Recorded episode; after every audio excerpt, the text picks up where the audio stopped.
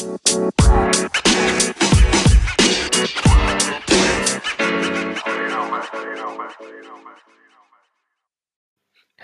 welcome back to Normal Podcast, podcast yang membahas berbagai macam isu transportasi yang dibahas secara ringan dan santai bersama gue Insan Rido. Episode 54 Normal Podcast kali ini gue akan membahas terkait uh, pajak kendaraan ya. Um, ini menarik untuk kita bahas karena uh, gue sepertinya belum pernah membahas terkait pajak kendaraan di podcast dan gue akan coba bedah di episode kali ini.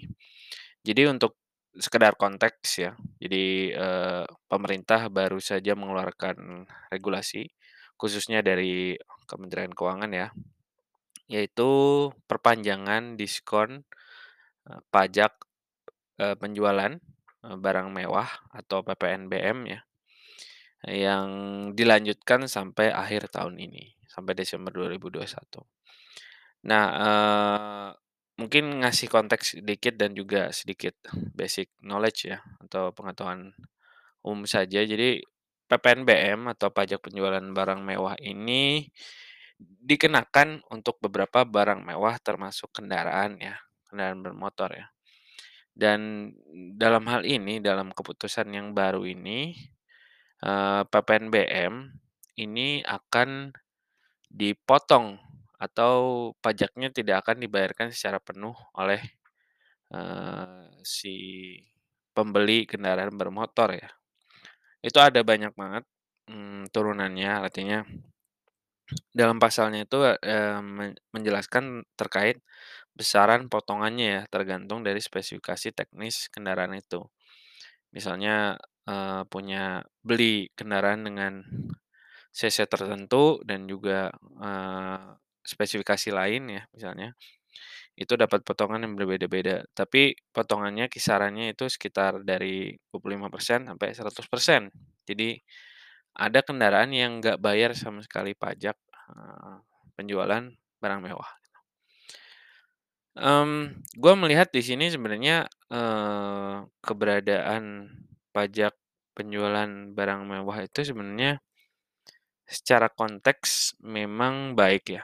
Artinya baik adalah uh, orang yang membeli barang mewah, termasuk kendaraan, tentunya harus membayarkan pajak lebih besar karena dia menggunakan barang mewah gitu yang memang deductible dan orang pun kita tahu bahwa orang yang punya barang mewah itu mayoritas memang punya uang lebih untuk bisa membeli barang mewah dan juga untuk membayar pajaknya gitu.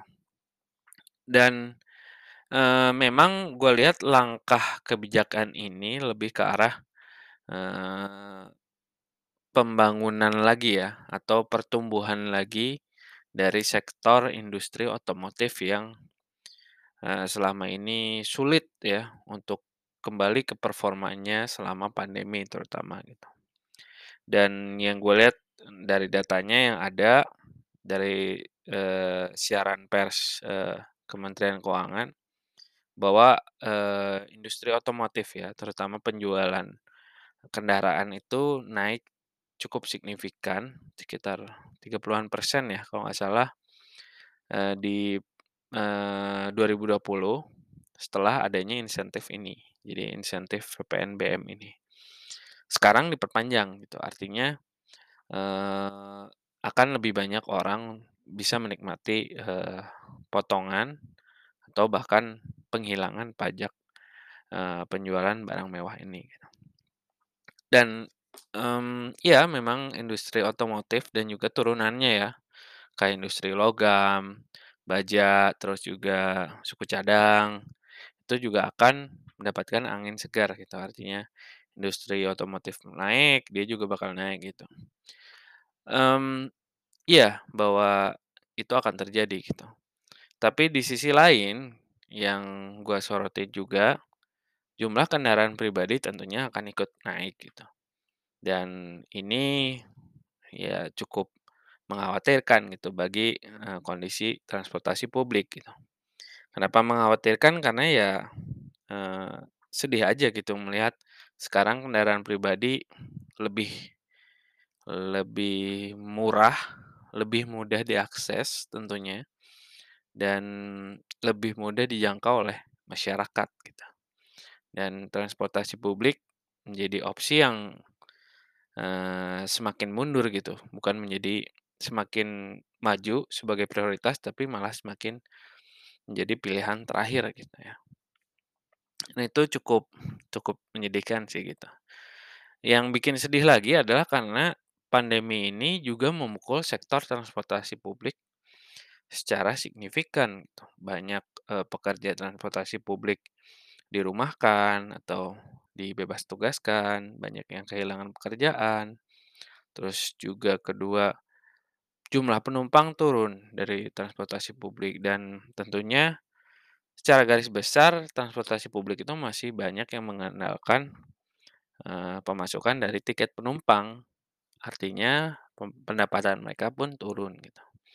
Dan itu, eee, menyedihkan gitu. Ditambah lagi transportasi publik kan sebenarnya salah satu sektor esensial ya di saat pandemi ini yang masih terus berjalan gitu ya. Mungkin sama pentingnya dengan, eee, sektor kesehatan seperti keberadaan tenaga kesehatan gitu. Para pekerja transportasi publik ini juga harus tetap beroperasi bahkan di saat pandemi ini lagi puncak-puncaknya ya gitu. Dan gua rasa kebijakan, eee, pemotongan PPNBM ini tentu, eee, apa ya akan meng menghambat lagi dan juga menghajar ya perkembangan dari transportasi publik. Itu yang sebenarnya gua gua cukup khawatirkan gitu.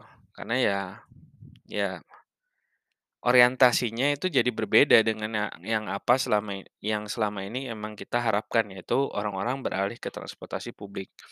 Terus pandemi menyerang, mmm, eee, operator transportasi publik ini terdampak, tapi ternyata tidak mendapatkan dukungan yang yang sinkron gitu ya dengan keberadaan potongan pajak, eee, penjualan barang mewah ini gitu.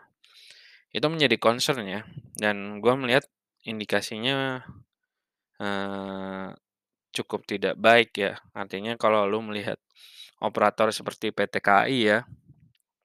PT KAI itu kan operator kereta api jarak jauh ya, yang memang mengandalkan penumpang-penumpang jarak jauh ya untuk bisa, eee, bepergian keluar kota atau luar provinsi misalnya di Jawa.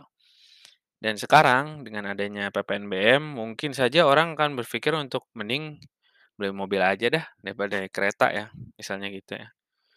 Kalau misalnya dari Jakarta mau ke Cirebon atau ke Tegal, mungkin kalau dipakainya secara terus-menerus, mending gua beli naik eh, gua beli mobil aja gitu daripada gua naik kereta gitu. Padahal kereta pun sekarang sudah cukup murah, cukup, eee, frekuensinya cukup, mmm, banyak juga keretanya dan juga sekarang, eee, lebih nyaman gitu. Tapi tentunya dengan keberadaan, eee, insentif PPNBM ini akan menjadi opsi yang semakin terakhir gitu ya dari transportasi publik ini.